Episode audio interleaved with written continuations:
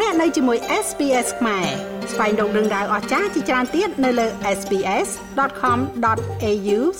ខ្មែរ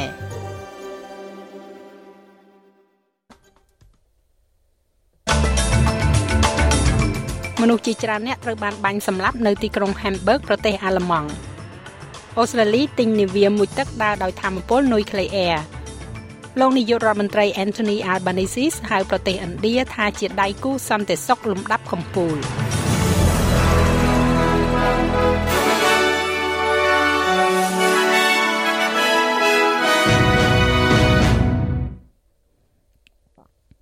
មនុស្សប៉ុន្មានអ្នកត្រូវបានគេបាញ់សម្លាប់នៅទីក្រុង Hamburg ប្រទេសអាល្លឺម៉ង់ ប៉ូលីសបាននិយាយថាមានមនុស្សជាច្រើនទៀតបានរងរបួសប៉ុន្តែមិនបានផ្ដល់ព័ត៌មានអំពីភាពធ្ងន់ធ្ងរនៃរបួសរបស់ពួកគេនោះទេសាក់សីបានប្រាប់ទូរទស្សន៍អាល្លឺម៉ង់ថាពួកគេបានលើការបាញ់ប្រហារចំនួន12គ្រាប់ការបាញ់នេះបានកើតឡើងនៅឯសាលប្រជុំសាក់សីព្រះយេហូវ៉ានៅជាយក្រុង Grossbostel អ្នកនាំពាក្យរបស់ប៉ូលីសទីក្រុង Hamburg គឺលោក Holger Warren មានប្រសាសន៍ថាការបាញ់ប្រហារចុងក្រោយមួយត្រូវបានលើកឡើងបន្ទាប់ពីប៉ូលីសបានចូលទៅដល់កន្លែងកើតហេតុមន្ត្រីប៉ូលីសចូលទៅទីនោះក៏បានប្រទះឃើញមនុស្សដែលរងរបួសយ៉ាងធ្ងន់ធ្ងរដោយអាវុធនិងខ្លះទៀតបានរងរបួសដល់ជីវិតពេលនោះមន្ត្រីផ្ទាល់ក៏បានឮសូរសំឡេងបាញ់មួយគ្រាប់ពីខាងក្នុងពីខាងលើនៃវត្ថុនោះហើយបានឡើងទៅជាន់ខាងលើក៏ប្រទះឃើញមនុស្សម្នាក់ទៀតនៅទីនោះ លោកនិយាយថាมันមានការបង្ហាញថាអ្នកបាញ់ប្រហារកំពុងតែរត់នោះទេហើយទំនងជាជនល្មើសនៅក្នុងអាគារឬក៏ក្នុងចំណោមអ្នកដែលស្លាប់ទៅ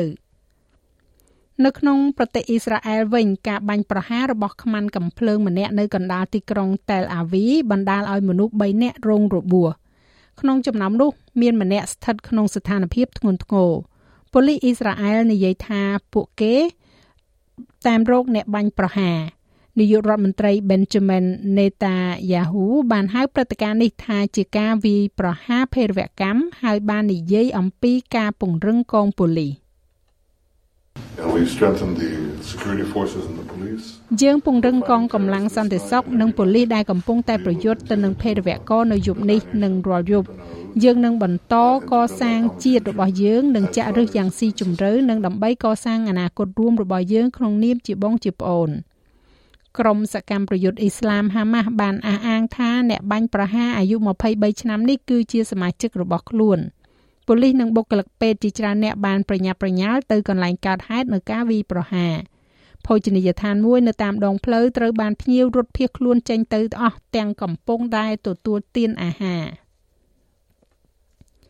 នៅក្នុងប្រទេសអូស្ត្រាលីយើងវិញលោកនាយករដ្ឋមន្ត្រីស្ដីទីគឺលោក Richard Marles មានប្រសាសន៍ថាការទិញនាវាមួយទឹកដើរដោយថាមពលនុយក្លេអ៊ែររបស់ប្រទេសអូស្ត្រាលីនឹងជាជំហានដ៏ធំបំផុតមួយ នៅក្នុងសមត្ថភាពយោធាចាប់តាំងពីចុងបញ្ចប់នៃសង្គ្រាមលោកលើកទី2 ការរំពឹងទុកកំពុងតែកើនឡើងបន្ទាប់ពីមានរបាយការណ៍លេចធ្លាយពីសហរដ្ឋអាមេរិកនិងចក្រភពអង់គ្លេសថាអូស្ត្រាលីនឹងទិញនាវាមួយទឹកថ្នាក់ Virginia ចំនួន5គ្រឿងជាមួយនឹងទូកដែលនៅសេសសល់ដើម្បីបញ្ចូលគ្នានឹងការរចនារបស់ចក្រភពអង់គ្លេសរួមជាមួយនឹងបច្ចេកវិទ្យារបស់អាមេរិកលោក Males បានប្រាប់បណ្ដាញទូរទស្សន៍ប៉ុស្តិ៍លេខ9ថានឹងមានការប្រកាសជាផ្លូវការនៅសប្តាហ៍ក្រោយ។ នេះគឺជាជំហានដ៏ធំបំផុតឆ្ពោះទៅមុខក្នុងសមត្ថភាពយោធារបស់យើង ដែលយើងមានតាំងពីចុងបញ្ចប់នៃសង្គ្រាមលោកលើកទី2ហើយនេះលើសពីអ្វីដែលយើងអាចធ្វើបានវានឹងអនុញ្ញាតឲ្យយើងនៅក្នុងពិភពលោកដ៏លំបាកមួយក្នុងការថែទាំខ្លួនយើង ហើយជំហានទាំងមូលដែលយើងកំពុងធ្វើនៅទីនេះគឺស្ដីអំពីការធ្វើឲ្យប្រកាសថាជាមួយនឹងសមត្ថភាពនាវាមុជទឹករបស់យើង យើងអាចរីកចម្រើនបាន វានៅតែមានធម៌ពលពីព្រោះគ្មានអ្វីដែលផ្ដល់ឲ្យសត្រូវនៅការគិតជាលើកទី2លើសពីនាវាមុជទឹកដែលមានសមត្ថភាពនេះទៀតទេ លោកនាយករដ្ឋមន្ត្រី Anthony Albanese កំពុងតែពង្រឹងទំនាក់ទំនងសន្តិសុខរបស់ប្រទេសអូស្ត្រាលីជាមួយនឹងប្រទេសឥណ្ឌាដោយហៅប្រទេសនេះថាជាដៃគូសន្តិសុខលំដាប់កំពូល ថ្ងៃទី3នៃដំណើរទស្សនកិច្ចរបស់លោក Albanese ទៅកាន់ប្រទេសអាស៊ីខាងត្បូងមួយនេះនឹងឃើញកិច្ចពិភាក្សាពាណិជ្ជកម្មដ៏សំខាន់នៅខាងមុខនឹងកណ្ដាលដោយមេដឹកនាំទាំងពីរនឹងជួបប្រជុំគ្នាសម្រាប់កិច្ចប្រជុំកំពូលប្រចាំឆ្នាំរបស់ពួកគេនៅថ្ងៃសុក្រទី10ខែមិនិនានេះ។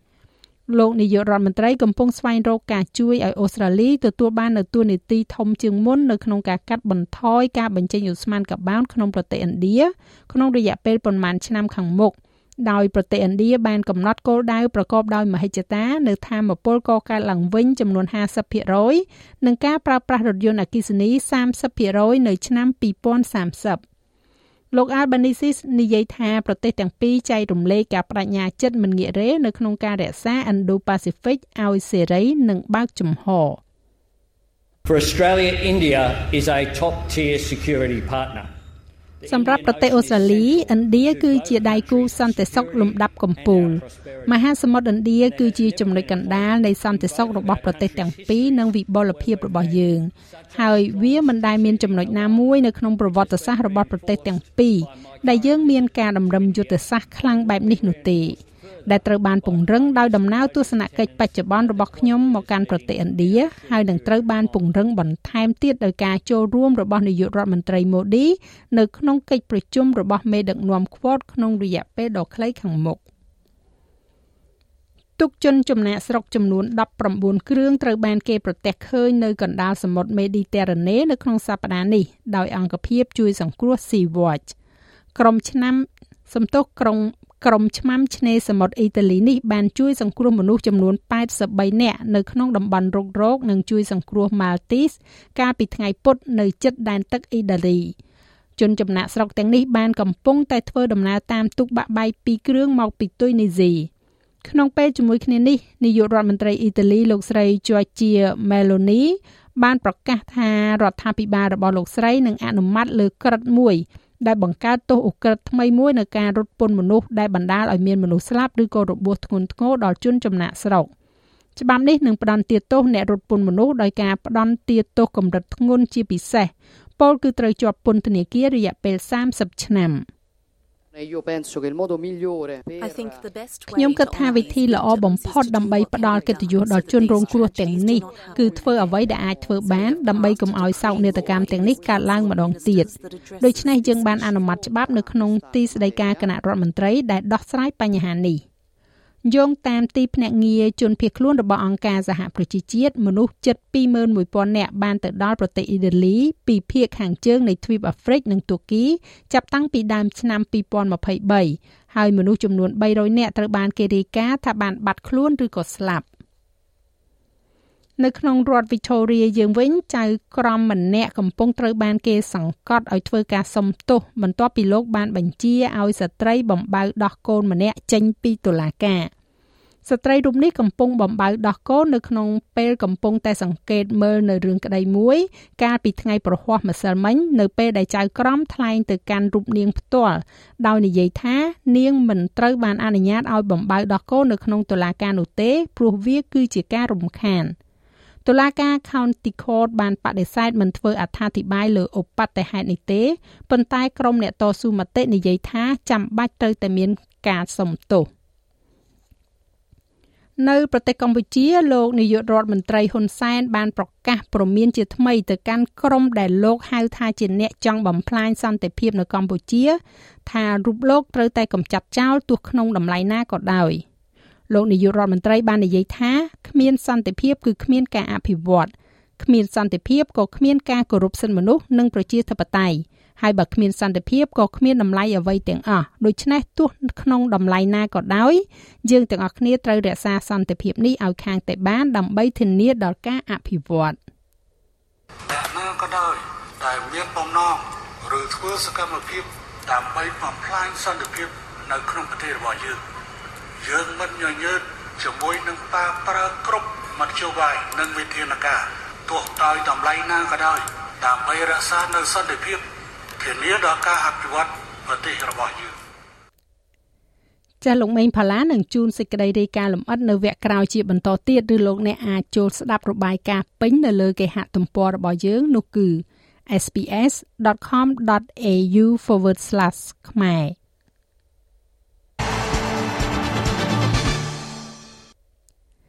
នៅក្នុងការប្រកួតកីឡាបាល់ទាត់ការប៉ះទង្គិចគ្នាដ៏ក្តៅគគុកមួយនៅក្នុងការប្រកួត A-League ស្ត្រីបានញោមញីដោយការបាក់ឆ្អឹងការប៉ះទង្គិចក្បាលនិងការព្យួរកាតលឿងដែលបានធ្វើឲ្យក្រុម Sydney FC ខោចអ្នកលេងសំខាន់សំខាន់ចំនួន4រូបសម្រាប់ដំណើរទស្សនកិច្ចនៅទីក្រុង Wellington នេះ។ គណៈពេលដែលការទទួលជ័យជំនះ3ទល់នឹង0កាលពីចុងសប្តាហ៍មុនជាមួយនឹងគូប្រជែងដណ្ដើមពាន Western United បានរុញ Sky Blue ឡើងលើកំពូលតារាងនោះគ្រូបង្វឹក Ante Juric ឥឡូវនេះប្រឈមមុខទៅនឹងការឈឺក្បាលនៅផ្នែកការពារខណៈដែលលោកព្យាយាមបំពេញចន្លោះប្រហោងមួយចំនួននៅក្នុងខ្សែការពាររបស់លោកខ្សែការពារសំខាន់ Charlotte McLean និងអវត្តមាន4សប្តាហ៍បន្ទាប់ពីទទួលការវះកាត់ឆ្អឹងថ្ពាល់ដែលបាក់ដោយសារតែការប៉ះទង្គិចក្បាលជាមួយនឹងមិត្តរួមក្រុម Chada Women ក្នុងនេតិស្លាប់រស់នៃការប្រកួតកាលពីថ្ងៃអាទិត្យអ្នកចាំទី Women ក៏នឹងត្រូវអនុអវត្តមានមួយសប្តាហ៍ផងដែរខណៈដែលប្រធានក្រុម Madison Haley ស្ថិតនៅក្នុងការសង្ស័យដោយសារតែមានរបួសត្រគាក កីឡាករនី Natalie Tobin ត្រូវបានពិន័យកាតលឿងចំនួន2ពេលប្រកួតទល់នឹង United ដែលជាការបណ្តេញចេញពីការប្រកួតជាលើកទី2របស់នាងក្នុងរដូវកាលនេះដោយហាមមិនឲ្យនាងចូលប្រកួតមួយប្រកួតចាស់ចំណែកឯអត្រាប្តូរប្រាក់វិញ1ដុល្លារអូស្ត្រាលីមានតម្លៃប្រមាណជា65សេន8ដុល្លារអាមេរិកត្រូវនឹង2660រៀលប្រាក់រៀលខ្មែរ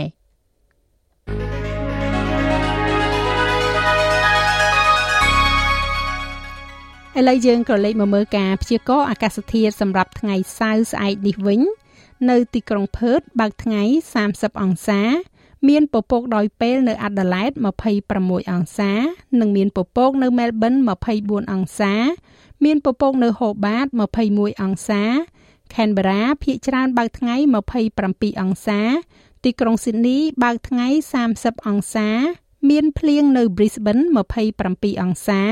ទីក្រុងខាន មានពពកដោយពេល33អង្សា ទីក្រុងដាវិន បើកថ្ងៃល្អ33អង្សា និងបើកថ្ងៃដូចគ្នា នៅទីក្រុងភ្នំពេញ34អង្សា